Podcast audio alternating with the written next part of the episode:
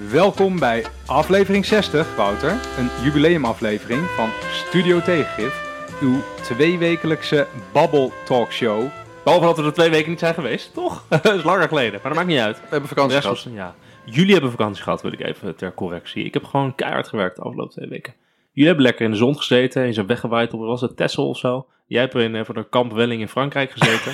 Nee, Drenthe. Dus Drenthe, oh ja, het zag eruit Drenthe. Nou, wij zijn allebei, eh wie maar, wij zijn allebei binnen de landsgrenzen gebleven. Uit voorzichtigheid, want zo zijn wij. Precies. Brave, voorzichtige mannen. Dus ik heb op Terschelling gezeten. Dat is Oh, een ontzettend leuk eiland. Ik dacht een Waddeneiland, ja. Dat is een, zeker Ja. een waddeneiland, dankjewel.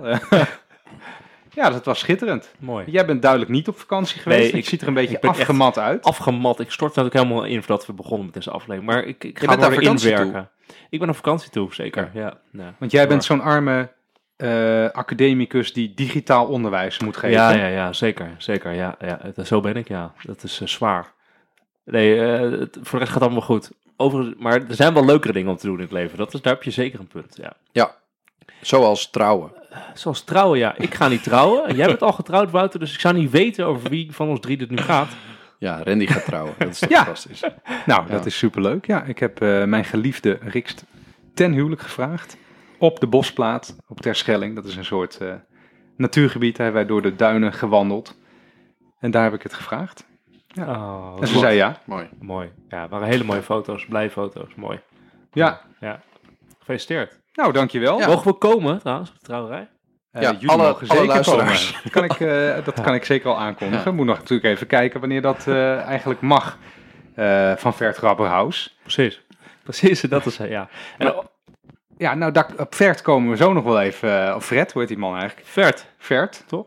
komen we zo wel even terug. Ja, dit was een goed stukje luisteraars-engagement. Want we hebben het een beetje over eh, onszelf en zo. We Ja, precies. En wat ook zo is, hè, we hebben het nu wel vaak over gehad. Randy heeft altijd het gevoel dat de luisteraars te weinig contact met hem opnemen. Of nee, hij heeft het gevoel dat het niet zo toegankelijk is. Heeft, eh, Wouter Nou, ik krijgt dat- altijd wel mensen die contact met hem opnemen. Ik heb dat ook, want Wouter en ik zijn allebei twee hele toegankelijke personen. Maar Randy blijkbaar minder. Dus we moedigen het ook van harte aan dat als Randy gaat trouwen, dat alle luisteraars gewoon een keer komen.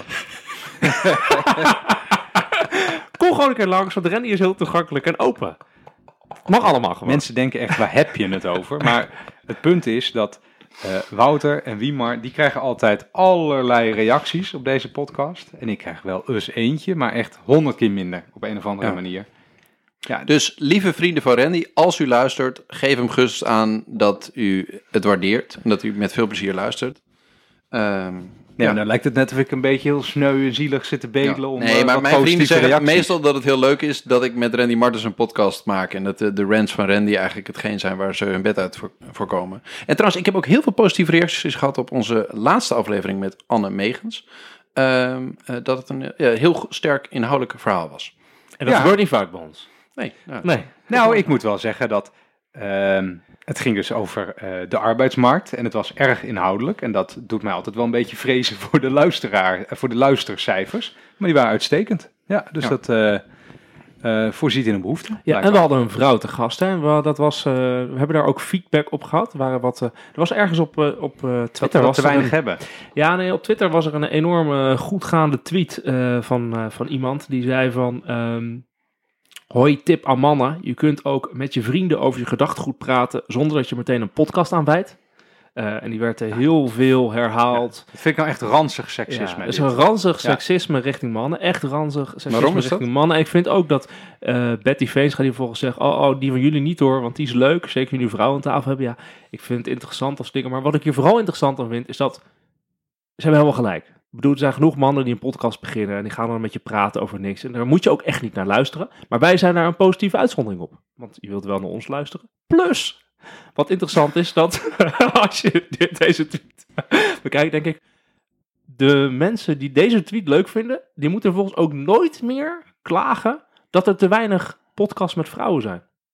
Want, ja, Want? Ja, want eh, ja, dat er alleen maar mannenpodcasts zijn, dat komt omdat al die mannen dat maar gewoon gaan beginnen. Ik zou zeggen, ga dat als vrouw ook doen.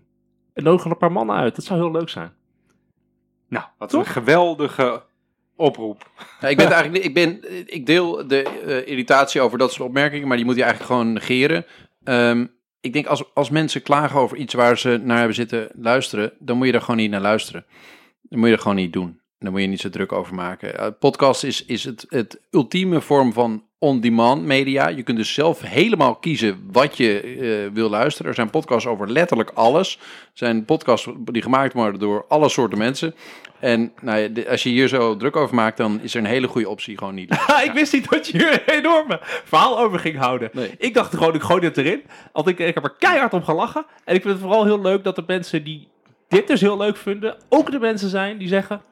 Waarom, geen, waarom zijn er geen vrouwen in al die podcasts? Dan denk ik, je kan het niet allebei vinden. Oké. Dat was het. Gekte van de week. Ja. Inhoud. Ik wil graag naar de gekte van de, we- van de week. En ik heb toch iets fantastisch gestoords gelezen. eh, vanmiddag, of misschien was het al ietsje eerder. In het NRC. Eh, en waar gaat het over? Namelijk de lijsttrekkersverkiezing bij D66. eh, wat gepresenteerd wordt als een schitterend hoogtepunt van ledendemocratie. Eh, wat is daar aan de hand? Zoals iedereen weet is Sigrid Kaag de gedoodverfde winnaar. Maar er is ook nog een dappere tegenkandidaat. Ene Ton Visser. Niemand had ooit van hem gehoord. Hij had ook nog nooit eh, enige functie bij D66 eh, vervuld. Maar hij heeft zich kandidaat gesteld en hij is ook toegelaten als kandidaat. En vervolgens heeft hij een interview gegeven met het NRC. Toch een serieuze krant. Nou, ik ga even wat, even wat Oké. Even wat stukjes eh, voorlezen. Het, het- zo begint het al. Het is een gedoe en risicovol. Maar ik heb een legale manier gevonden om te verdienen aan vals geld, zegt Ton Visser, 56. oh, het is echt fantastisch. Omdat hij woont en werkt in China, staat er dan. Dat vond ik eigenlijk ook al opmerkelijk. Hè? Hij, is dus niet, hij woont niet eens in Nederland. Maar Nee. goed, blijkbaar is dat allemaal geen, eh, geen beletsel. Eh, hij legt er zo eerst, uit- eerst legt hij even uit hoe dat dan werkt. Je moet ervoor over de wereld reizen. Je moet een currency vinden die niet zoveel in omloop is. In mijn geval Syrische ponden. Dan moet je naar een land gaan met, een goede grafische, met goede grafische voorzieningen. Waar je makkelijk heen kunt. In mijn geval Australië. Dus volgens mij wat hij dan doet, daar laat hij dan Syrische, ponden muntjes, drukken. eh, druk. Eh, en hij, eh, daar is dus op een of andere manier is er geen wet om, eh, die, dat, die dat illegaal verklaart. En die geeft hij dan, eh, ja, die verkoopt hij dan weer of zo ik, in ik Syrië las het of ook, zo. hè, dat, is, dat die Ton Visser dus de tegenkandidaat... Maar ik dacht eerst dat het een artikel van de Speld was. nee, dit is serieus. Ja. Nee, dat, dat onderscheid wordt steeds ingewikkelder te trekken. Maar dit, dit- dit- Inderdaad. ook een, een, hoe heet het? Wel Maar een- waarom is het gekte? Waarom is het gekte? Waarom vind je dit? Waarom Nou, ik ga- wil dit nog vanmiddag even- of misschien toch eerder Die man- gelezen? Die man, die man Ja, is ja, gestoord. Je schiet, je schiet in de analyse-modus, maar ik, ik vond zelf dat die valsmunterij vond ik toch ook wel interessant. Zo komisch. Dus ga ik even op door. Je moet het vliegveld niet afgaan. Dat is belangrijk. Dan waarschuwt hij met opgeheven vinger geen Egyptische dollar. Want dan ben je dus strafbaar. Kies bijvoorbeeld de Israëlische shekel of de, Iria- eh, de Iraanse rial. Eh, ook zegt hij, als ik iets niet ben, dan is het eerlijk. Nou, dat lijkt me ook al een ontzettende, ontzettende aanbeveling. Op een gegeven moment, op een gegeven moment zegt hij ook nog, oh, zegt hij, nou ja, nog een tip. Je, het halve interview gaat hierover, hè, voor de duidelijkheid. Je moet voor kleine coupures gaan. Die hebben de minste echtheidskenmerken. Dan, kijk, iedereen is schijnheilig. Dat schreef ik al aan Sigrid. Ehm, en daar zit er nog één schitterend, schitterend zinnetje. Pom, pom, pom, die moet ik even opzoeken. Nou, die ga ik, eh, die ga ik zo even vertellen. Maar we hebben, dus gewoon het, de, we hebben nu de NRC voorgelezen aan alle Ja. lezers. En eh, ik, ik, ik- alle punt. aanbevelingen zijn dus, van, inderdaad, als je valsmunter bent, stel je punt, kandidaat ja. voor D66 Deze man Maar is, wa- wat nog meer? ja, wat leert dit ons? Deze man is een totale randebiel. Ja. Dat, heb, dat heb ik hopelijk net enigszins geïllustreerd. Want wat ik voorlas was niet een ongelukkige fragmentje uit wat hij allemaal heeft gezegd. Het was ongeveer wat hij heeft gezegd daar. Ehm, dan denk ik, man oh man, waarom laat je zo iemand toe tot een serieuze verkiezing tot partijleider? Ik snap dat het goed staat dat je twee kandidaten hebt in plaats van dat het een soort kroning van Sigrid Kaag wordt.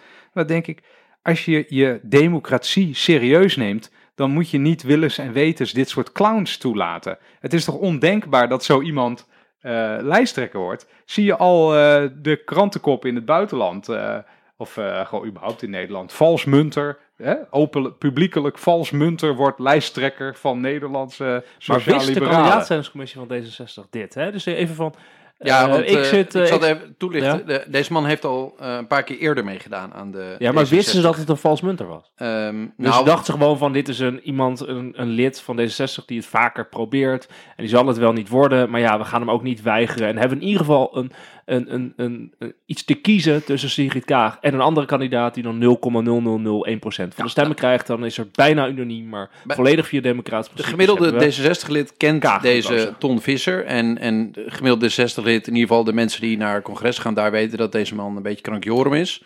Ehm, maar ik denk dat hier duidelijk eh, een ander belang zwaarder weegt dan wat Reddy net zegt. En waarom het wel lollige gekte is dat het zo'n interview in de krant verschijnt. Omdat die man schijnbaar opeens ertoe doet. Omdat hij de enige tegenkandidaat is van een huidige minister van Buitenlandse Zaken. Ehm, en dat is dat ze daar stellen van, oké, onze partijdemocratie, dus de democratie dat iedereen mee mag doen en zich verkiesbaar mag stellen, vinden wij belangrijker dan dat we eh, gekken buiten de verkiezing houden. En eh, de- ik, ik denk dan daar uiteindelijk vanuit het, het, het gedachtegoed van D66 valt daar best wat voor te zeggen. Dat je zegt, wij gaan niet een soort van voorselectie doen. Of je een beetje normaal eh, een interview kan geven in het NRC. bent. Of, eh, eh, je- of je... Of, Of je geen crimineel bent. precies. Dat is Ja, maar dat is dus een vraag. Is Ja, maar er onderzoek dit- geweest? Is, ik vraag me dat dus echt af. Ja, maar ik, ik vraag me dus af of ze, dat, of ze dit wisten. ik, ik, bedoel, eh, wil nog even, ik wil nog even iets voorlezen.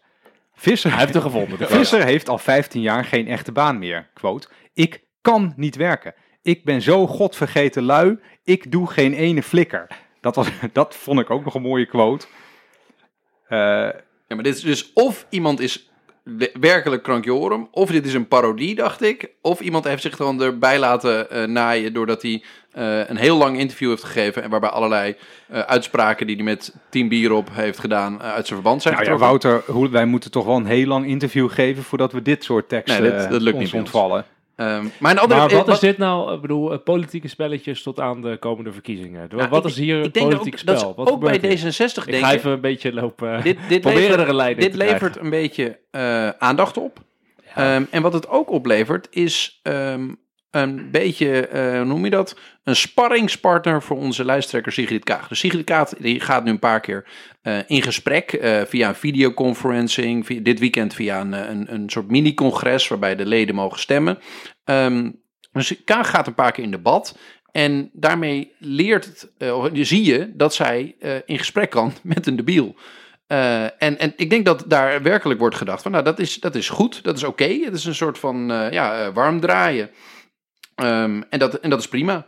Ehm, en wij vinden het belangrijker dat dus zo iemand eh, eh, wel de mogelijkheid heeft eh, om zichzelf verkiesbaar te stellen dan bij veel andere partijen. Want wij weten alle drie dat bij, eh, ehm, weet ik veel, bij de VVD, de CDA of Partij van de Arbeid zou zo'n eh, persoon die een beetje krankjorum is, allang door partijkader of door een kandidaatstellingscommissie of door een profielschets eh buitenspel zijn gezet. Want er zijn ook heel vaak mensen die een beetje aan de randen van het, eh, van het psychologische spectrum acteren, die er niet doorkomen. En bij D66 maken ze volgens mij bewust de keuze van, wij vinden het belangrijker dat iedereen die een beetje wappie is, gewoon zich verkiesbaar De kan slogan van D66, hè? Nu heb je de nieuwe slogan nog gehoord. stellen. Nee, heb je zijn slogan? Laat iedereen vrij, maar niemand vallen. Dat is de slogan van D66. Die zin die loopt ook gewoon helemaal niet. Laat iedereen vrij, maar niemand vallen. Dus wij zijn heel liberaal, iedereen is vrij, maar zo sociaal. Laat niemand vallen. Er is echt goed over nagedacht. En ze willen deze kandidaat dus ook niet wel heel erg vrij laten. Want je mag zelfs Sigrid gaat- gaat alles doen. Je mag in China wonen. Je mag alles doen wat je wil. Maar je moet hem niet laten vallen. Wiemer, jij vindt dat een partij eh, in de vorm van haar top, dus het partijbestuur, ehm, eh, de leden moet beschermen van de optie dat ze op zo'n eh, eh, gekkie stemmen? Nou, ik vraag me vooral af dat D66 heeft iets van een schets bedacht. Profielschets. Wat zal de Wat stond ideale daarin? kandidaat zijn? goede vraag. Ik vraag me af, wat staat daarin? En hebben ze dan deze meneer daar langs gelegd? Of niet? Ehm, en als ze geen profielschets hadden, dan is het inderdaad wat jij zegt, van dan vinden ze het belangrijk dat er een democratisch proces is. Eh, en dat we dat maar gewoon laten gebeuren. En kijk, de waarheid is toch dat Sigrid Kaag eh, gekozen gaat worden met 99,999% van de stemmen. Dat D66 dan kan zeggen, we hebben een mooi democratisch proces doorlopen als democraten 66. Ehm, en er is geen schade. Op het moment dat, eh, dat D66 zou zeggen, ja, die man mag niet meedoen en we blokkeren hem. En hij gaat dan naar de NRC. Ik mag niet meedoen. Ja, ik, weet, ik NRC, weet nog goed, bij de. Partij heb van de Arbeid gedoe. Heb je gedoe. En nu hebben ze geen gedoe. En hebben ze ook nog een verkiezing. Sigrid Kaag wordt het. En ze laat iedereen vrij en niemand mag vallen. Ja. Nou, lekker bezig. Goed bezig. Sorry, zij zijn toch een partij die voor eh, meer democratie is op heel veel Ja. vlakken. Ehm, maar dan wil je toch ook laten zien dat, je, dat, dat democratie een serieuze Ja, maar- aangelegenheid Ja, is. oké, maar wacht even. Wel, ik had over politieke spelletjes. Dus ik vind het, ik snap dit vanuit een 60 als politiek spel. Want je laat zien, we zijn democratisch. We hebben een lijsttrekkersverkiezing. Het is geen schadelijke lijsttrekkersverkiezing, want er is niet 50-50. Dit is Hugo de Jonge tegen, tegen Omzicht of eh PvdA met eh Asscher tegen Samson. Dit is gewoon 99% tegen 1%. Waarschijnlijk nog meer in het voordeel van Kaag. Iedereen tevreden, toch? En dan gewoon podium om eh, een paar keer in debat te gaan, zoals Wouter zegt. Je kan even een proefballonnetje oplaten Nee, dat je 3% ik denk- van het BBP in innovatie gaat ik denk dat wat dit dus wel- geroepen. Dat dit dus wel schade doet. Waarom? In de zin dat ehm, mensen kunnen ook dit schouwspel zien en dan denken ze, zijn dit de mensen die bij D66 rondlopen? En, en de grote, hoe zeg je dat, het, groot, de gro- het grote pluspunt van Kaag is dat zij zo hoog en machtig is, hè, met, een, met ongeveer het mooiste cv van heel Nederland. Dat past heel goed bij D66 ook, in alle eerlijkheid. Eh, want daar zitten heel veel hele slimme mensen bij. En dan heb je, dan heb je deze vent er opeens tussen. Hier is nog een mooi quoteje. Ik doe mijn best. Ik probeer elke dag eerlijk te zijn. Maar het lukt me gewoon niet. Soms zijn het kleine dingen, maar soms ook grote dingen. Dan denk ik, ja Ton, dat kan eigenlijk niet. Ik, ik, Ik, ik, maar zou dit is wel- gewoon, deze man moet tegen, ook, ook wat dat betreft kun je zeggen, deze man moet tegen zichzelf in bescherming worden genomen. ja, maar ik dit vraag is belachelijk. zeker, dus ik ben het ook met je eens, maar ik vraag me dus echt af wat D66 echt wist over die man toen ze hem toelieten. Want, eh, Nou, dat is dus ook geen reclame voor een partij. nee, dat is zeker waar. Wat is uw beroep, Dat is meneer? zeker waar. Ja, ik ben al 15 jaar valsmunter.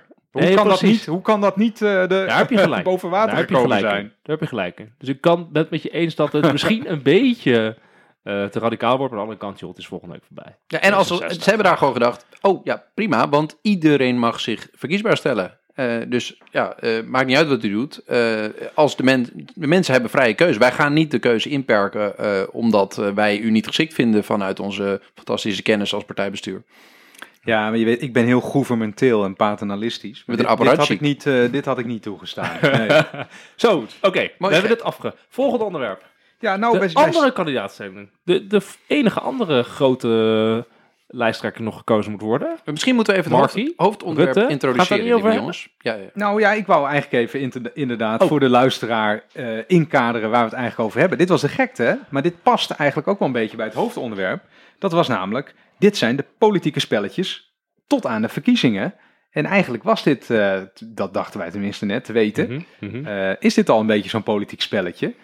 Ehm, dus het, dat is een mooi onderwerp waar we alles even onder kunnen bespreken, wat we de komende maanden nog gaan zien. En eh Wieman, jij sneed dus net al aan. Oh ja, goed als je even... Ja. Mark Rutte. Nou, de VVD moet nog officieel een eh, aanvoerder kiezen voor de volgende lijst voor de Tweede Kamerverkiezingen. Dus, eh, en de vraag is natuurlijk wie dat gaat worden. Eh, en in december valt daar de keuze. Dus het betekent dat de huidige eh politiek leider van de VVD nog een aantal maanden heeft, die heet Mark Rutte, om zich te kandideren. En het is natuurlijk interessant dat de VVD zo laat pas de lijsttrekker gaat kiezen in december. Want alle andere partijen hebben natuurlijk al gekozen die eh, middenpartij zijn of eventueel eh, een kandidaat lijsttrekker zouden hebben. Ehm, en waarom is dit nou? Het is natuurlijk ook politieke spelletjes. Ehm, Nou, waarom is dat, Wieman Bolhuis? nou, je kan er meerdere, ik, we kan er meerdere strategieën op loslaten, maar misschien is de eerste gewoon de vraag van, ehm, de VVD wist niet voor de zomer hoe de coronacrisis zo zou ontwikkelen. En of dus de coronacrisis misschien slecht zou uitstralen op eh, Mark Rutte. En tot nu toe lijkt dat eigenlijk wel goed te zijn geweest. Hè? De hele coronacrisis en het leiderschap van het kabinet. Ehm, en is eigenlijk de VVD en Mark Rutte alleen maar populairder geworden. Het begint nu een beetje te kantelen, maar alleen populairder te worden. Daarnaast kunnen ze tot en met december natuurlijk nog kijken hoe ontwikkelt zich dit. Want de werkloosheid gaat oplopen. Misschien komt er een tweede golf. Je weet niet wat dat doet met de populariteit van de VVD. Ehm, dus de, ik vind het, wel, het is slim van de VVD om dit, eh, om dit uit te stellen. Ze kunnen gewoon tot december wachten. Maar en ze kunnen dan beginnen met... Hey, wij hebben de, de premier, die zetten we opnieuw eh, op vooraan in december. Even vooruitgaand er geen rare dingen gebeuren. En dan kan je toch wel met nieuws eh, de laatste vier maanden voor de verkiezingen. Ik denk, wel dat dat de strategie is. Dat ze inderdaad bewust als laatste het eh, bekend gaan maken. En dat ze dan nieuws hebben wanneer eh, de, de, de minister-president die zich eh, ja, een sterk leider heeft getoond. wederom zich verkiesbaar zal gaan stellen. Maar ik twijfel of wat je nu allemaal beschrijft daar daadwerkelijk achter zit. De VVD heeft, denk ik, verreweg de afgelopen tien jaar het beste eh, marketing- en campagneapparaat gehad van, van alle partijen. Die zijn gewoon heel goed in timing en, en opbouw van, van een campagne en het domineren in de media van wat het onderwerp is waar het over gaat. Mhm. En het positioneren van Mark Rutte. Maar dat is allemaal, daar hebben we in de eerdere aflevering ook wel over gehad, gegaan om, om die ene persoon. Dus ik, ik vermoed eigenlijk niet dat er zo'n bewuste strategie over zit dat, dat er mogelijk nog een andere optie is. Maar dat er gewoon een bewuste strategie is van oké, laten we dan maar gewoon zo laat mogelijk bevestigen dat het wederom Mark Rutte wordt. Eh, op een moment dat zijn eh, minister-presidentsbonus eh, eh, nog een beetje in te koppen is. Ja, precies. Ehm, dus dat dat, dat dat ergens het einde van het jaar zal wezen. Want ik vermoed niet dat er daar de mogelijkheid bestaat dat iemand als Ton Visser zich gaat melden om eh, eveneens als valsmunter Mark Rutte te gaan uitdagen. Ben ik met je eens. Zou het niet kunnen dat hij eh, oprecht eh, nog twijfelt of hij door moet? Want eh, ik kan me ook wel weer voorstellen, het is best wel eh, vermoeiend hè, om premier te zijn en eh, het is hard werken en dat soort dingen. En dan kan ik me voorstellen dat een partij zegt van, oh meneer de lijsttrekker, wilt u alsjeblieft doorgaan, want hè, met u erbij worden we zeker weer de grootste. Maar Rutte kan nu zeggen, ja luister jongens, we staan al tijden een, een straatlengte voor in de peilingen. Hè? Dus dit is het ideale moment voor mij om het stokje over te dragen. Wanneer anders? Eh, je kan moeilijk ook net na de verkiezingen weggaan. Dan zullen mensen ook zeggen, hey, we willen nieuwe verkiezingen. ik, ik denk dat ze daar bij de, bij de VVD en ook bij, bij eh, de, de Ipsossen van deze wereld heel serieus onderzoek naar doen. En tot nu toe blijkt telkens dat een heel groot onderdeel van de, de, de VVD-populariteit direct gelinkt is aan de persoon Ja. van Mark Rutte. En niet per se aan de eh, beleidskeuzes die de VVD voorstelt op dit moment. Maar vooral uit eh, het, het vertrouwen in het leiderschap van degene die die beleidskeuzes dan gaat uitvoeren, whatever they may be.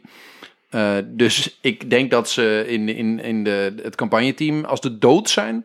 Dat eh, Mark besluit van jongens, eh, eh, Ja, ja dat, gel- dat geloof ik meteen. echt als de dood. En ik denk nog wel trouwens dat echt wel ook de, de campagne rondom eh, Rutte. Van hoe zet je eh, hem neer en hoe zet je het verkiezingsprogramma van de VVD neer. Dat is wel echt anders dan als je het nu zou doen, of een paar maanden terug, en denk over een half jaar, zeg maar. Want het kan zomaar zijn dat het nu dus inderdaad de coronabestrijder nog is, hè?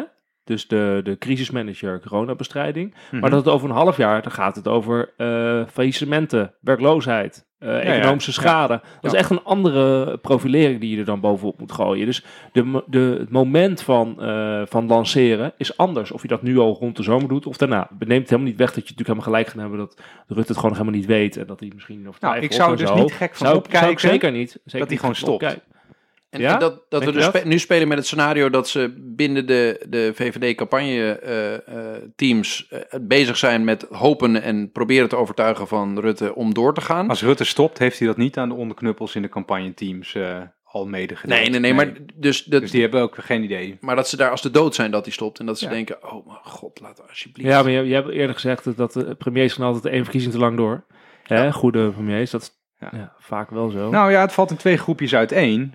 Balkenende, die ging eh, duidelijk eentje te lang door. En die, Ja. die is eh, ook via een soort zijdeur in de geschiedenis afgevoerd. Niemand, eh, mensen lijken dat wel vergeten, dat Balkenende ook volgens mij acht jaar premier is geweest, of tien. Eh, ik, ik weet het ook niet eens, zie je wel. ja, 2002, 2010. Acht Terwijl jaar. Kok daarvoor werd vaak gezegd, nou als Kok nog één keer door was gegaan, dan eh, had hij waarschijnlijk nog wel de verkiezingen gewonnen. Want hij genoot zoveel vertrouwen als een soort vaderlijk figuur. Eh, maar ja, die, had gewoon, ge- die, had, die kon het niet meer aan. Die, Mhm. die, hè, die had aangegeven, ik, ik heb hier de energie niet meer voor.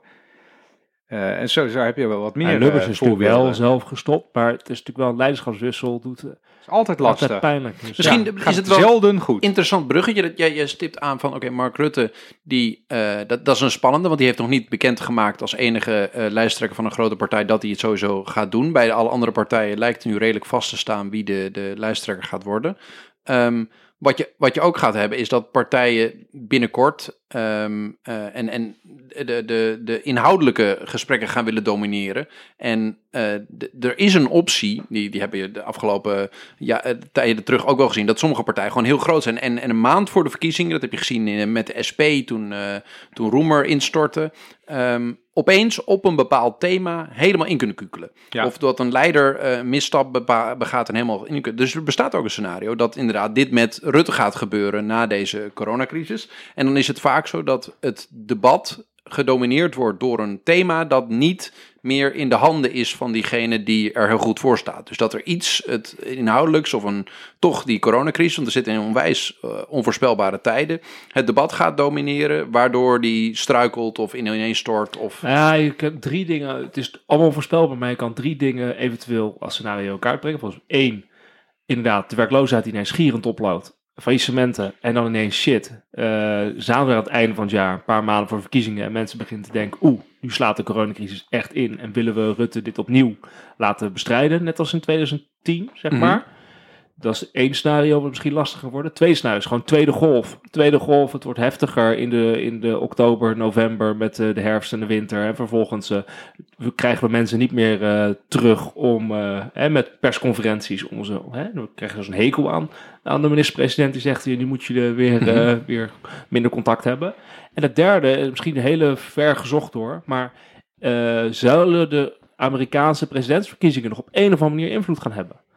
Ik vraag me dat gewoon af. Als er eh, misschien Trump wint of Biden wint. Ik weet niet. Vaak is het toch wel dat er iets van een verband zit tussen eh, Amerikaanse bewegingen en Nederlandse bewegingen. Ik, ik weet niet hoe ik dit moet, Mhm. eh, moet benoemen. Maar ik vraag me dat wel af. Ergens einde van het jaar gaat natuurlijk wel daar, daar een keuze vallen. Jij zit een beetje lastig aan te kijken, Randy. Jij bent het te ver gezocht, hè? Nee, Maar nee, helemaal niet. Hè. Ik, ik volg het nieuws uit Amerika echt op de voet. Ehm, we, we hebben eerder hier wel eens gezegd, het zou niet raar zijn als in Amerika een burgeroorlog uitbreekt. Ja, maar en dat was altijd nog een opmerking waar een, be- een beetje voor in de kroeg en zo, hè, van het slaat wel ergens op, maar het is ook wel heel, hele wild, een heel wild statement. Ik hoor het Nee. steeds meer door nuchtere mensen gezegd worden. Ja. Ja, maar inderdaad, als het daar helemaal fout loopt en Trump gaat al die, die eh, ik weet niet hoe de, rassenrellen is nog niet het goede woord, maar in ieder geval die is al die rellen aan het opstoken, Opstoken, echt kaart ja. aan het opstoken. Eh, en dat loopt eh, uit de hand. Eh, en, en Trump wil bijvoorbeeld, als hij verliest, niet, geen afstand nemen van het presidentschap. Dat heeft hij al een paar keer gezegd, dat hij misschien een hertelling wil. Ja. Dat hij niet zomaar weggaat, heeft zijn woordvoerder al een paar keer gezegd. Als je dat, Dat soort dingen, bewegingen ja. daar krijgt, dan weet ik niet wat dat voor als dat zoveel instabiliteit geeft en mensen denken: wow, wat gebeurt er in het meest westerse, rijkste land ter wereld nu met de democratie? Vraag ik me af wat dat doet in, in Europa. Hè? Ik, ik vraag me dat af. Ja, dat is allemaal Dat is- lastig speculeren, maar Zeker. er kan echt nog wel wat gebeuren tot en met maart. Ehm, als Rutte toch aftreedt, nou dan hebben we het hier al gezegd, hè? Want het, is, eh, het, het zou We kunnen. hebben alles al voorspeld. Dus Ja. dit kan ook nog wel bij. We hebben, ook- we, hebben net, we hebben net ook beide gezegd, dus dat is ook makkelijk. Mag, ik nog- mag ik nog even een theorietje daarop loslaten dan? Want Wat je net, ik denk dat als het die kant op gaat en ook als het, het conflict in eh, Wit-Rusland verder escaleert, ja, dat wil ik. Ja. Ehm, waarbij dus Rusland haar macht om in omringende landen de, de politieke status eigenlijk steeds meer te, te buigen in de richting van een soort vazalstaat. Als dat nog meer het geval blijkt zijn, dat er een soort van harde polarisatie komt, denk ik dat de tegenstelling in het inhoudelijke debat in Nederland ook veel meer kan worden van de ehm, eh, eh, westerse wereldorde globalisten versus de ehm, eh, ja, de, eigenlijk de, de cynisten, de, de, de nationalisten die bang zijn, die geloven dat we het zelf moeten oplossen met een sterke overheid die, eh, die, die, die eh, de, ons homogene volken gaat beschermen. Dat, dat, dan zie ik wel een scenario dat dat heel erg de polarisatie in het debat kan zijn. En dan zie ik wel prettige kaarten voor, voor mevrouw Kaag, eerlijk gezegd. ja, dat is misschien de volgende. Wie, leuk om over na te denken, politieke spelletjes.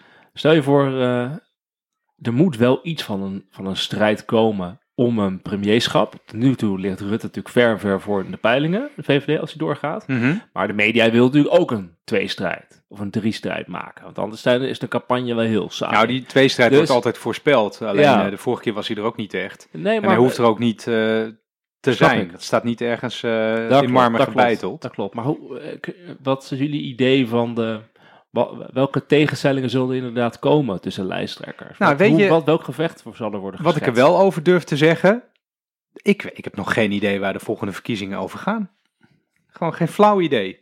Eh, als, je nu, als, je nu, eh, als ze vandaag zouden zijn, Mhm. dan eh, zou het VVD-bewind waar Nederland al tien jaar onder zit, wordt gewoon gecontinueerd. En misschien wordt er dan een beetje geshuffeld met weer coalitiepartners die, hè, waar even een paar mensen het hoogtepunt uit hun carrière mogen meemaken ten koste van hun partij. En dan eh, gaan we weer door. Ja. Ja. Dat, dat als het vandaag zou worden gehouden. Ja. Maar de wereld is, er gebeuren denk zoveel het- gekke het- dingen. Het, spannende daarin is dat we zitten nu op maandag 31 augustus. Eigenlijk de allerlaatste zomerdag in het eh, politieke seizoen. Eh, morgen is het 1 september en dan breekt de boel weer los. En al die partijen zijn nu bezig met het nadenken van... oké, wat wordt ons issue? Waarmee, welk onderwerp zou het debat moeten domineren... waardoor wij er goed uitkomen? Dus dat, de vraag gaat worden inderdaad... wat, wat gaat het, de, de, de, belangrijke discussiepunt worden... Ehm, en en jij, jij redeneert van, oké, stel er komt niet een belangrijk onderwerp, dan is het dus gewoon, oké, het coronabeleid en wie het meest eh, eh, leiderschap heeft getoond, of hoe de boel er nu voor ligt, nou, dan, dan zal dat de, de bepalen wat er gekozen gaat worden. Maar ah, of het debat zo dadelijk gaat over eh, banen, werkgelegenheid, of gewoon of mensen eh, nog hun, hun huur of hun hypotheek kunnen betalen, dat, dat gaat een heel andere verkiezingsstrijd opleveren dan als het gesprek gaat over eh, immigratie, integratie of over, ehm, weet ik veel. eh, eh, de, de- Nou, we kunnen wel even kijken. Misschien biedt dat een, even een, eh, een inkijkje naar de uitgelekte eh Prinsjesdag eh, maatregelen. Mhm. dat hè? is allemaal Dus- niet toevallig. Nee, uitgelekt vind ik ook een beetje een raar woord, want de coalitie lekt ieder jaar bewust allerlei populair beleid van tevoren. Dat is ook een beetje kwestieus eigenlijk, hè? Dus je legt iedereen vertrouwelijkheid en geheimhouding op en zelf lek je dan al het beleid wat je lekker uitkomt. Eh, dat, dat gooi je alvast over de schutting. Maar goed, eh, wat is tot nu toe uitgelekt? 500 euro voor zorgmedewerkers. Gewoon eenmalig eh, in een envelopje. Bovenop de 1000 euro die ze al hadden. De winstbelasting voor bedrijven. die zou verlaagd worden, maar dat gaat niet door. Dat is best veel ook, want die- die was 25% en die zou naar 21,7% gaan. Dat gaat dus niet door, dus dat is best veel. Eh, de winstbelasting voor kleine ondernemers, die wordt overigens wel verlaagd van 16,5 naar 15. Eh, en, en dit is leuk Wiemar, de overdrachtsbelasting voor starters. Mensen die dus voor het eerst een huis kopen om zelf in te wonen. Die wordt eh, afgeschaft of verlaagd naar 0%, van 2 naar 0. En die voor beleggers, dus mensen die een huis kopen om niet zelf in te wonen, maar te verhuren, even obviously, die wordt verhoogd van 2 naar 8%. En het, het leuke is, eh, Wouter, dit hadden Wimo en ik al in ons stukje geschreven. zeker. Precies dit. Zeker, zeker. Heb je Ja, dit ook ja, al eens in de Studio mee. Tegengif gezegd? Ehm, ja, dat denk Ja. ik wel, ja. Want we hebben immers twee woningmarktafleveringen. En wat ik hier trouwens frappant aan vond, is dat het ministerie van Financiën twee, twee notabene, twee rapporten heeft geschreven waarin ze zeiden dat dit, Dit niet uitvoerbaar niet, is en dit niet kon. En nu gaan ze het toch doen. Per Dus- gewoon 1 januari komend jaar. Dus Ja. blijkbaar is het wel te doen. Sterker nog, het was heel makkelijk zelfs. Want anders kon het echt niet per 1 januari. Ja. Dus ehm, als ik nu nog een keer een rapport lees waarin staat dat iets niet kan, wat ik wel wil, nou dan verscheur ik dat natuurlijk onmiddellijk. Jouw, jouw leus is toch altijd, als je het kan opschrijven, dan kan het. Tuurlijk, ja. Dit is toch, je kan toch gewoon opschrijven inderdaad voor particulieren die een huis kopen om zelf in te wonen. Voor de eerste keer is 0%. Dat kan je toch gewoon opschrijven? En wat, wat leren ons, dus dit, dit lekt uit voor Prinsjesdag, binnenkort is het Prinsjesdag. En wat, wat leren deze uitgelekte zaken ons van wat de Oh ja. partijen die de coalitie vormen eh, eh, zouden willen dat het inhoudelijke debat in het najaar gaat domineren? Nou ja, ja, ja, zo, dat is niet. Wat er vooral in deze begroting staat, natuurlijk dat elke eh, partij van de coalitie die doet iets voor zijn eigen achterban. Nog even snel. Dat komt in deze begroting wel duidelijk naar voren. ja, dit wordt een feest. dus het is een beetje een feest. Nou, je ziet dat de belasting, eh, inkomstenbelasting, die gaat iets omlaag. Hè, de arbeidskorting gaat omhoog. Dat is gewoon lastenverlichting. Dat is natuurlijk gewoon even een VVD-ding. Rob net voor de verkiezingen. MKB wordt een beetje gespekt. Hè? Dat zie je met eh eh, lagere winstbelasting, maar ook tegemoetkoming, eh, die corona tegemoetkoming voor vaste last. Dat gaat ook omhoog voor het MKB. Dus zit er wel iets voor de, voor de bedrijvigheid eh, zit erin. Zorgpersoneel, die 500 euro, is natuurlijk ook even, oeh, om even de wilders de wind uit de zeilen te nemen. Spaarders krijgen een hoge vrijstelling. Dus die wordt, nu het dan box 3, vermogensbelasting, op je spaarrekening is het 31.000 euro een vrijstelling. Die gaat even naar 50.000. Dat is natuurlijk wel ook een behoorlijke eh, verhoging. Dat soort zaken zitten er natuurlijk wel in. En natuurlijk, ja, de, de, het eh Wopke Wiebus investeringsfonds, dat moet gewoon gepresenteerd worden. Heel goed dat het er komt. Maar zelfs al eh, hebben ze geen flauw idee wat je er precies mee moet doen, het zal sowieso ge- gepresenteerd moeten worden. Want je kan het niet meer maken nu om, dat, om niet iets te presenteren. Dus je van kunt toch gewoon zeggen corona. Ja, dus, nee, maar dus je ziet, oh ja, en, dat is natuurlijk wel interessant, dat de multinationals belast gaan worden. Hè? Dus de, er zijn extra eh, maatregelen worden genomen om eh 600 miljoen euro van eh, multinationals eh, te pakken. Dus je ziet toch wel dat er, Ja, die gaan het, beta die gaan het eh, toch die gaan betalen. het betalen. Zie toch wel dat Maar eh, is- grote is het- bedrijven, zelfstandigen, daar wordt toch gewoon wel bijdrage van gevraagd. Dus je ziet ook de VVD dus wel waar, zie je een beetje bewegen. hè? Nee, maar mag ik, mag ik dan even constateren? Want, Dijkhoff, sorry. want jij vroeg net, Wouter, wat leert dit ons dan? Ik zie in dit, in dit uitgelekte pakket maatregelen toch een best wel waarschijnlijk succesvolle tegenzet tegen wat eh, links eh, inbrengt. Ja. Namelijk, nou, zorgmedewerkers krijgen toch iets, hè, niet zoveel als ze willen, maar toch iets. Eh, de grote bedrijven gaan het betalen, de kleine ondernemers eh, worden gematst en de, de beleggers op de woningmarkt worden teruggedrongen. Nou, dat is wat links wilde. Dus links krijgt zijn zin zonder eh, het zelf te hoeven doen, maar wordt ook de wind uit de zeilen genomen. Ja, dat doet me wel denken. We hebben eerder ooit een keer een, een, een, in onze podcast een soort analyse gehad dat ehm, progressieve partijen heel slecht zijn in daadwerkelijk het, het verkrijgen van de macht. En dat als het daadwerkelijk iets veranderd moet worden, dat het misschien wel moet komen van de partijen die nu de coalitie vormen. Dat die dan de iets meer economisch progressieve maatregelen gaan nemen. En, en dit lijken allemaal een soort van kleine stapjes in de richting van een iets meer ehm, ja, eh, progressiever economisch model. Ehm, waarbij het iets socialer verdeeld lijkt te worden. Iets minder eh, op de schouders van de, de, de zwakkeren van de samenleving. Ehm, waarbij dus linkse partijen inhoudelijk een klein beetje krijgen waar ze eh, voor strijden. Maar het wordt gedaan door, door partijen die dat normaliter niet doen. Maar die krijgen wel de credits. Is dat een beetje wat er gebeurt? Ja, zeker. Ehm, en inderdaad, het is eh, het onschadelijk maken alvast van tegenaanvallen van opposities, van linkse partijen. Want je kan nu zelf zeggen, ja, we laten multinationals meer belasting betalen. Ja, we doen de overdrachtsbelasting. Die eh, zetten we voor nul op starters en hoog voor beleggers. Dus je neemt inderdaad wind uit de zeilen van de oppositie. En wat het ook laat zien is dat, eh, wat, ik, wat, wat natuurlijk ook wel bekend is, dat waarschijnlijk de verkiezingsprogramma's van partijen als VVD en D66, dat dat veel eh, meer sociaal-economisch links wordt Mhm. dan wat we denk ik voor mogelijk houden. Dus zijn nu wel, hè, dus de terugkeer van de staat wordt dan nu vaak gezegd Ja. dat dat in de verkiezingsprogramma's terecht gaat komen. Ik denk Mhm. dus echt dat het verkiezingsprogramma van de VVD wordt rammend links. Met een enorm investeringsprogramma en Nou ja, bedrijven Robin- belasten. Dat is echt, ik denk dat we daar echt van staan te kijken wat die gaan presenteren als. Hè, dus dat, ik denk dat dat echt. eh, ik denk niet dat. dat, zegt, dat we zeggen. Ik, ik denk dat, dat GroenLinks, PvdA. Eh dat die echt. eh, SP, denk ik ook. Denk dat die.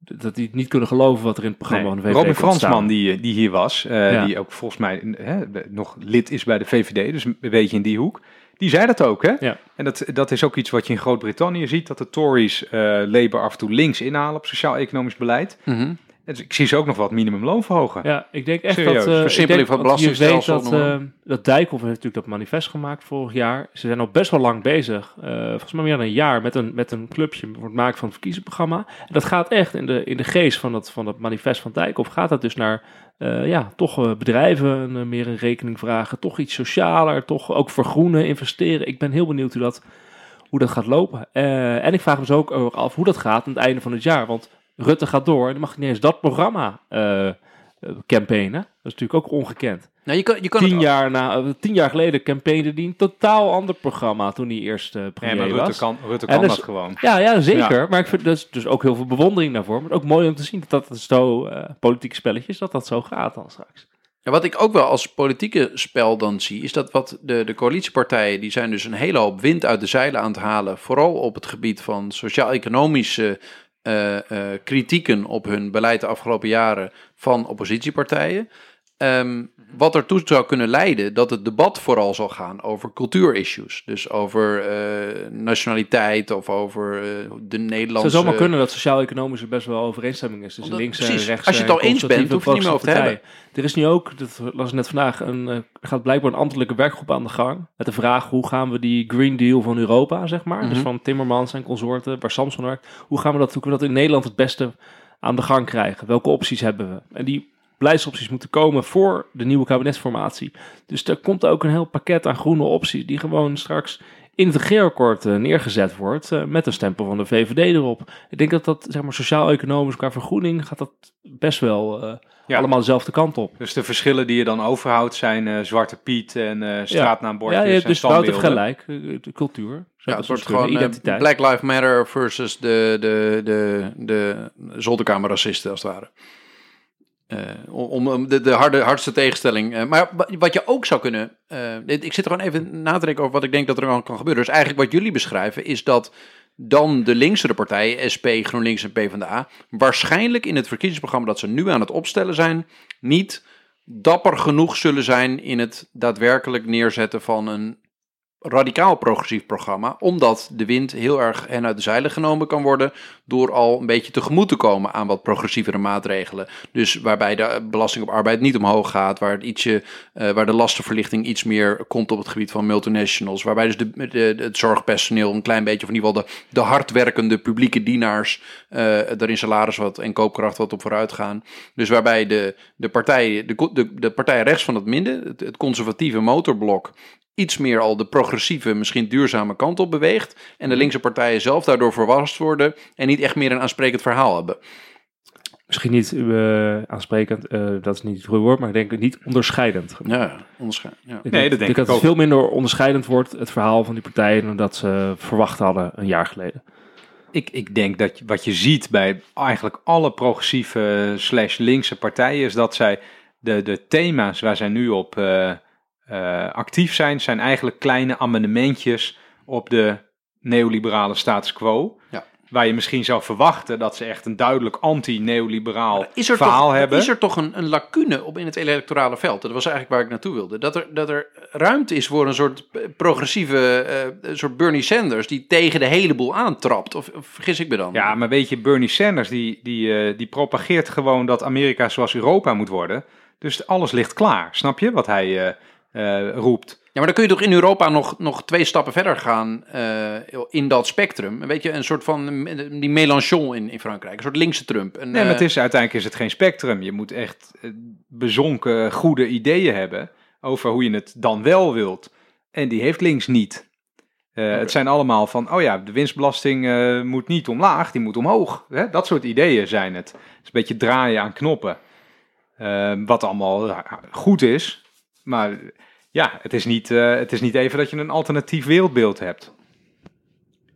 Ja, en waar, dat tover je ook niet zomaar even uit je binnenzak, denk ik. Nee, ik, ik twijfel. Ik zie ook echt, echt wel een kans. Er zitten in, in veel landen dat er een, een, een soort van eh, een, een stuk linksere eh, eh, eh, gat is in het electorale veld. Waarbij iemand die goed kan spreken, werkelijk verstand van zaken heeft, eh, een alternatief neerzet dat, dat knettersociaal is. En wie, eh, en wie zou dat zijn in Nederland? ja, een soort, eh, Ik vind het mooi. Dus iemand die goed kan spreken, een goed verhaal heeft, goed links verhaal, die kan, heeft enorme electorale mogelijkheden. Er ligt een heel groot gat. ik ken haar maar nu niet. is het.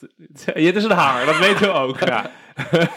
dus oké, ja, ik ben heel benieuwd. Nee, maar ik, ik Het- denk dat daar werkelijk wel een, wel een optie voor zijn. Iemand die, die gewoon, weet ik veel, ik was ik, iemand die mensen in, in, in, in Koevoorde, Zierikzee en Heerlen kan aanspreken. Die, die, die mensen hun taal spreekt, die nu de, in, de, in de, een beetje geraakt zijn door deze crisis. En denken van die mensen die daar in Den Haag het nu eh, bepalen, die spreken mij niet zo aan. En het verhaal van het alternatief, dat gaat over nationalisme en, en we moeten immigranten de schuld geven. Dat slik ik ook niet helemaal. Maar ik wil toch een alternatief. Ik denk, ik denk dat daar een, mogelijk een, een groot electoraal gat zou kunnen liggen. Wanneer de partijen links van het conservatieve eh, midden ehm, niet een te onderscheidend verhaal neerzetten. Doordat ze eigenlijk vrij dicht bij het verhaal van die standaardpartij Ja, oké, zitten. maar alle, dat, dat, misschien is die, die ruimte er, ik denk dat die er is. Alleen nu zijn alle kandidaat lijsttrekkers zijn wel bekend Ik zie alleen hè? een Dus- kans voor de dus Partij we voor de hebben nu Dieren. gewoon, we weten wat dat, dat wilde ik wordt. Alleen voor de? Partij voor de Dieren. Alleen voor de Partij voor de Ja. Dieren zie je een kans.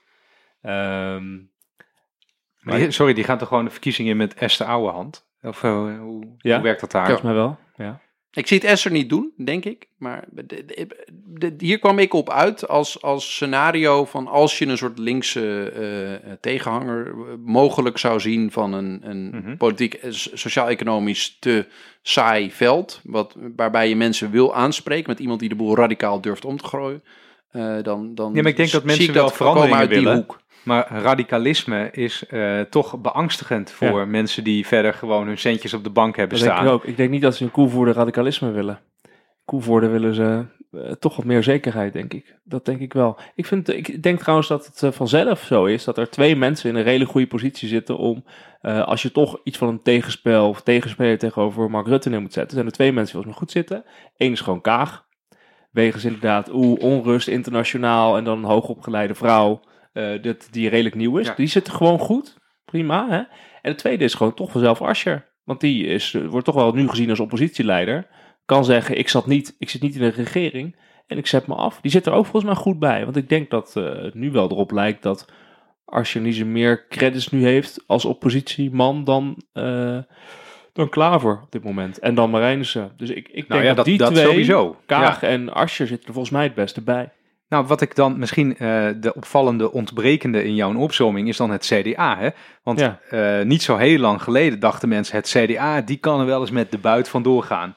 Maar eh, Hoekstra die wilde niet. Eh, de jongen die kwam de kroon even ophalen. En toen kwam omzicht opeens langs, langs zij. En sindsdien is het alleen maar haat en nijd en gezeik bij het CDA. We hebben het nog helemaal niet over de. Als het over politieke spelletjes hebt, we hebben het helemaal niet over de uitslag gehad bij het CDA. En de Nee. mooie ICT-systemen. Dat, het, eh, dat je dan toch, als je stemt als vrouw zo'n omzicht, dat je dan te horen krijgt dat je op Hugo de Jonge hebt gestemd en zo. Ik zou er ook wel Nee, maar van sorry, worden. ik zou daar helemaal, als ik Hugo de Jonge was, of het partijbestuur van het CDA, ik zou daar helemaal gestoord van worden. Dat die omzicht met zijn vrouw dan zoveel onrust loopt te zaaien over die uitslag. Dat is toch een ongehoorde actie. En Mona Keizer die daar dan doodleuk, ja, dat moet zeker tot op de bodem uitgezocht worden. Dat soort tekst, dat zij allemaal. Sorry, maar echt. Nee, ja, dat klopt. Dus eh, het is zo dat Hugo de Jonge, die krijgt van zijn nummer 2 en 3 als je omzicht. En eh Dat worden eh, Mona heerlijke Keizer zo mag noemen. Die krijgt hij echt de een en de andere steen eh, vanuit een ongedekte hoek krijgt hij op zich afgeworpen terwijl Ja. hij niet staat te kijken. En dan zo komen kan je messen toch, en hooivorken zijn kant op. Dat klopt. Wel, ja. Hugo de Jonge, ik, die, die heb heeft het met doen. een zware campagne, moet ik zeggen. Dan, hè, de, elke persconferentie, dan zegt eh, Rutte, oh ja, iets vervelends over corona. Hugo de Jonge staat klaar om alles te beantwoorden. Nou. die wordt een beetje zo van, ja, het kleine broertje van Mark Rutte staat er ook en die mag alle klote dingen doen. En dat, dat heeft hij dan naast Rutte, terwijl hij de tegenstreef moet zijn. En in zijn eigen partij heeft het nummer 2 en 3 die hem aan alle kanten aanvallen en de media zoeken. Dat en is wel vals zijn. Dat is rete interessant inderdaad, want al die persconferenties hebben dit patroon. Dus Rut, ze komen binnen, Rutte die stapt naar voren eh, en die zegt wat stichtelijke woorden waar, waar je geen bel over kan vallen. ja. En dan, eh, en dan mag eh, Hugo de Jonge die mag even alle K-maatregelen die er die week zijn genomen, Te die even weinig uitleggen. testcapaciteit. Hoe kan dat, Hugo? Man, Ja. man, man. Ja, precies. Ze trappen er allemaal maar in, hè? Rutte die loopt echt rondjes om hun heen. Dat vind ik zo knap. Ja, het is ook bijzonder. Hij is van een heel ander niveau. Maar goed, het CDA, iedereen dacht Ja, wat het gaat CDA daar gebeuren? Nou, die, die hebben zich natuurlijk eh, die hebben zich gedisqualificeerd voordat de wedstrijd eigenlijk ook maar is begonnen. Eh, sorry, maar een partij die, die schijnbaar zo verdeeld is, waar iedereen eh, zijn eigen ego en zijn eigen belangetjes belangrijker vindt dan even achter de leider te gaan staan, die krijgt eh, niet de macht eh, in handen geworpen. Zo werkt het. Eh, zo heeft het altijd gewerkt en zo zal het ook altijd werken. En dat vind ik, dat, ja, Omtzigt heeft toch laten zien waarom, waarom ze hem niet als leider willen. Ja, Eh, ze moeten is nu, niet bereid een stap opzij te doen. bij CDA moeten ze nu gewoon echt kappen. Gewoon iedereen moet kappen om eh, Hugo de Jonge aan te vallen. Ja. Of, ook maar in discrediet te brengen, hoe dan ook. Om zich moet gewoon nu gewoon zijn mond houden. Mona Keizer moet de mond houden. Iedereen moet zijn mond houden. Nee, Als ze nog een goede uitslag willen draaien. Alleen maar zeggen, Hugo is de beste. Hugo is de beste, Hugo is de beste. En dan tot wanneer zijn de verkiezingen? 17 maart, wanneer is dit? Dan 18 maart, dan mogen ze weer eh, het openbaar af en toe wat vervelende dingen zeggen. Maar tot dan allemaal mond houden. Maar heeft Hoekstra bijvoorbeeld, hè? Hoekstra die weigerde zijn steun uit te spreken voor de jongen toen die zich kandideerde. Eh, en toen ontstond een beetje hè, het, eh, Ja. het, het gat voor omzicht om in te springen. Eh, waarna Hoekstra hem dubbel verraden door te zeggen: Ik wil wel premier worden voor omzicht. maar heeft Hoekstra inmiddels al een keer wat, wat leuks of wat aardigs gezegd over de jongen? Volgens mij niet. Het- ja, volgens staat mij niet voor de dat hij hem geest. steunt, dat hij hem achter hem gaat staan. Dat Ja. heeft hij gezegd, zeker wel. Dat is Zeker toch wel wel. het absoluut minimale. Eh, maar goed, eh, de jongen wordt omringd door mensen die hem niet blieven. Op een Ja, het zijn manier. mensen die van niet chic met hem omgaan. Nee, als zeker eh, niet. collega-partijleden. Dat eh, kan. eh Wouter had een heel wijselijk de hele tijd zijn mond. Die zit alleen maar glimlachend te luisteren. Ja, Maar ik vind dat jullie Hugo de Jonge- zo, zo onwijs amusant hebben over al die spelletjes binnen partij. Terwijl ik dan weer zit te dromen van inhoudelijke bewegingen en in debat en zo. Ja, jullie hebben wel een, een, een goed punt. Ik denk dat wat er vooral gebeurt is... is- Politieke bromance, hè? Ja, Dat was andere feedback, toch? ja we, we, we waren een mooie politieke bromance. ik vond het een heerlijke feedback van, eh, van een luisteraar. Eh, maar wat, wat, wat er eigenlijk gebeurd is, is dat, dat deze partij voelt volgens mij ook een beetje dat er een soort machtsvacuum aan zit te komen. Dat misschien de, de, de hegemonie van, eh, van meneer Rutte wel eens zou kunnen gaan wankelen. En dat het CDA nu haar kans zou kunnen proeven. En daardoor zijn er allerlei mensen die, die dit, dit kabinet eh, een, een periode hebben gezeten. En het CDA voelt dat hun bewindslieden het ook gemiddeld gezien beter hebben gedaan dan het VVD-bewindslieden. Eh, in ieder geval in de publieke opinie. Dat Dit- is al tien jaar zo is niet, voor iedere dit is niet naar mijn mening, maar dat is gewoon eh, als je de populariteitscijfers nakijkt. Ehm, en, maar dat zorgt er dus enerzijds voor dat, dat een partij weer een beetje leven heeft, dat er, dat er wat gebeurt. Maar anderzijds ook dat er veel mensen zijn die denken dat zij de aangewezen persoon zijn om die partij naar succes te leiden. En als je dan niet eh, de, de interne eh, discipline weet op te brengen, omdat als er een verkiezing is geweest, eh, iedereen zich te scharen achter die leider die het geworden is, maar alleen maar gezeik naar boven komt. En niet er iemand is die de statuur heeft om op tafel te slaan. Van jongens, nou kappen, dit is de chef eh, en zo gaan we het doen. Mhm. Ehm, dan, dan, ja, dan is eigenlijk dus die, die kans die er bestaat voor zo'n partij, is killing. Nou, misschien zie je hier wel de werkelijke reden van de teloorgang van de grote volkspartijen. Ja, dat wilde ik CDA en Partij van de Arbeid. Dat wil dus iemand leider zijn van een hele grote, brede partij. Dat betekent dat heel veel andere mensen hun ambities eh, ondergeschikt moeten maken aan die van eh, de leider of die van de partij. En de overschatting van het kleine verschil. Dus dat, dat binnen partijen is het vaak zo dat mensen overschatten hoeveel ze van mening verschillen. Eh. Terwijl eh, tussen partijen verschillen mensen veel meer van mening. Maar dat jij net iets meer op eh, de conservatieve tak van onze partij zit en ik net iets meer op het economisch progressieve, dat, dat kunnen mensen heel erg overschatten. ja, ja. En daardoor gaan ze dus heel veel mot maken. Nee, maar dit, dit Niks. gaat dus niet om inhoud. Even als gedachte-experiment, als je Hugo de Jonge zou vragen, eh, je geeft hem een waarheidsserum en je vraagt hem, ben jij bereid om gewoon de hele agenda van Pieter Omtzigt uit te voeren? Dan zal hij zeggen, ja, als ik maar de baas kan zijn, dan is het allemaal prima. Hè? Dan voer ik alles wat Pieter eh, wil, voer ik uit. Daar gaat het Pieter blijkbaar niet om. Pieter wil zelf de baas zijn en als hij dat niet wordt, dan fikt hij die hele partij desnoods af. Dat doet hij nu. Ja, en zo word je dus geen grote partij. Einde verhaaltje. ach, ach, ach, ach. Oh, oké, oké. Maar wat, Hey, ik, hoe zie lang ook, zijn we ik zie- bezig? ja, we eigenlijk, zijn jongens? ik heb het gevoel bijna- dat we, dat we, zijn- uit de tijd aan het lopen Wat, zijn. ehm, eh, ik, ik zie het ook wel gewoon nog helemaal goed komen. hoor. Want dit is echt nog een, eh, een, een vakantiedingetje geweest eh, binnen het CDA. Ehm, en, en de echte campagne moet binnen, ook binnen die partijen natuurlijk nog beginnen. En nou, daar, daar kan zomaar weer...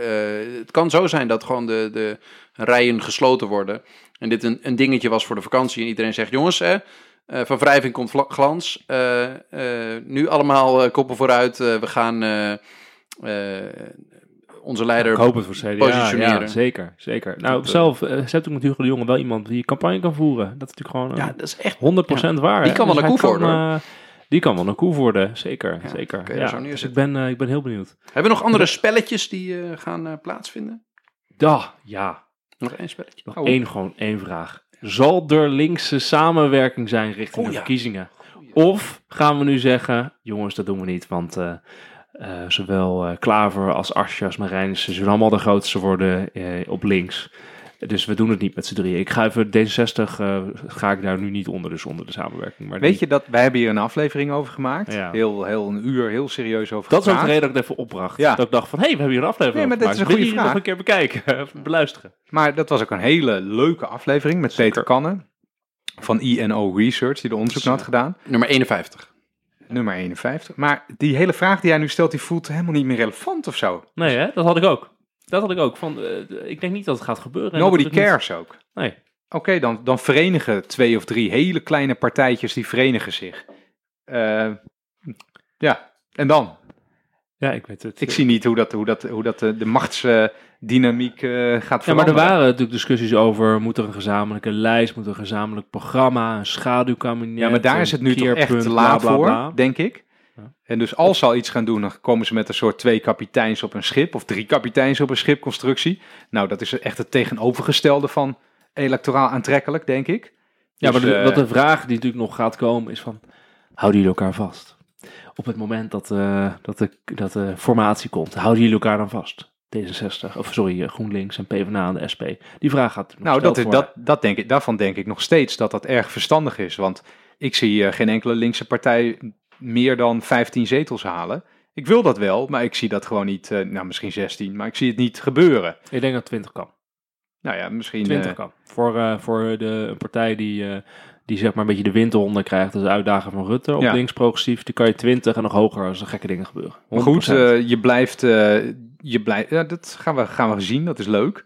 Maar je blijft tegenover echt een oppermachtig rechtsblok staan, denk ik. Ja. Ik denk dat de echt rechtspartijen zoals de VVD ook nog over de echt recht, de, de, de, nou, extreem rechts altijd een beetje gevoelig woord, maar de, de echt, de zeer rechtse flank kunnen gaan. Met, met dat er wellicht zelfs een soort meerderheid met PVV en Forum is. Ja, dan, wat heb je dan op een gegeven moment te eisen nog als progressieve partij? Eh, dus je moet wel, ja, je moet je zo sterk mogelijk maken. Dus als je dan twee eh, nagenoeg identieke politieke programma's hebt van GroenLinks en eh, van de Partij van de Arbeid, met kiezers die toch behoorlijk uit dezelfde hoek komen. Tuurlijk, er zijn verschillen, maar vergeleken met Forum voor Democratie zijn die verschillen inderdaad, wat Wouter zegt, toch wel erg eh, beperkt hoor. Ja. Eh, als je dan niet bereid bent je echt aan elkaar te verklinken en zegt, we gaan no way, eh, nooit zonder elkaar regeren, eh, ja, dan word je gewoon uit elkaar Ik denk dat dat nu ehm, binnen de, de, de beide campagneteams de, de overweging aan het wezen is van, eh, in ieder geval, ik denk bij GroenLinks en de Partij van de Arbeid, durven wij te stellen dat we alleen met elkaar in een eh, coalitie gaan zitten?